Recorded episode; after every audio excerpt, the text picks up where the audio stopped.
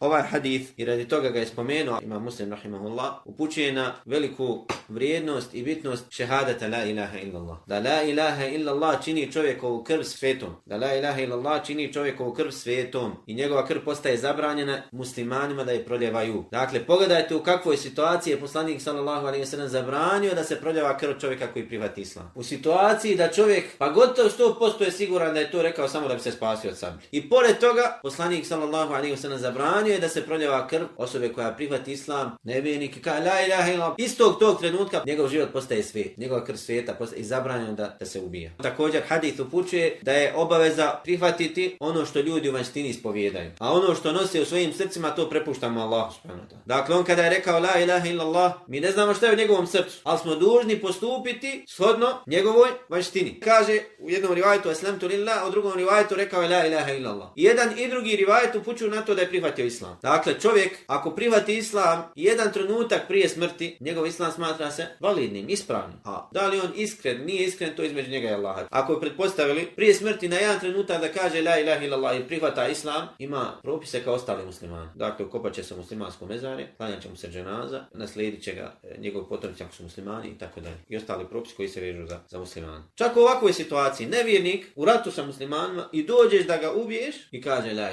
illallah prihvata mislim. Zabranjeno ti je, zabranjeno ti je da ga ubiješ. E sad imaš pravo da budeš oprezan, možda želi da te prevari, ali ne smije smiješ da ga ubiješ. Zbog čega? Zato što je njegova krv postala svijet. Ne smiješ da mu uzmeš život. Zbog čega? Zato što je musliman. A muslimane je zabranjeno ubijati. Njihovi životi su svijeti i ubiti jednog muslimana bespravno smatra se jednim od najvećih najvećih griha nakon širka. Dakle, ovaj hadith upućuje na veliku bitnost i vrijednost riječi la ilaha illallah. Jer riječi la ilaha illallah čine čovjekov život sveti. Trenutak prije toga bilo je dozvoljeno u ratu da ga ubije muslima. Kada je rekao la ilaha illallah, istog tog trenutka njegov život postao je svijet. Njegova krv je zaštićena. Zabran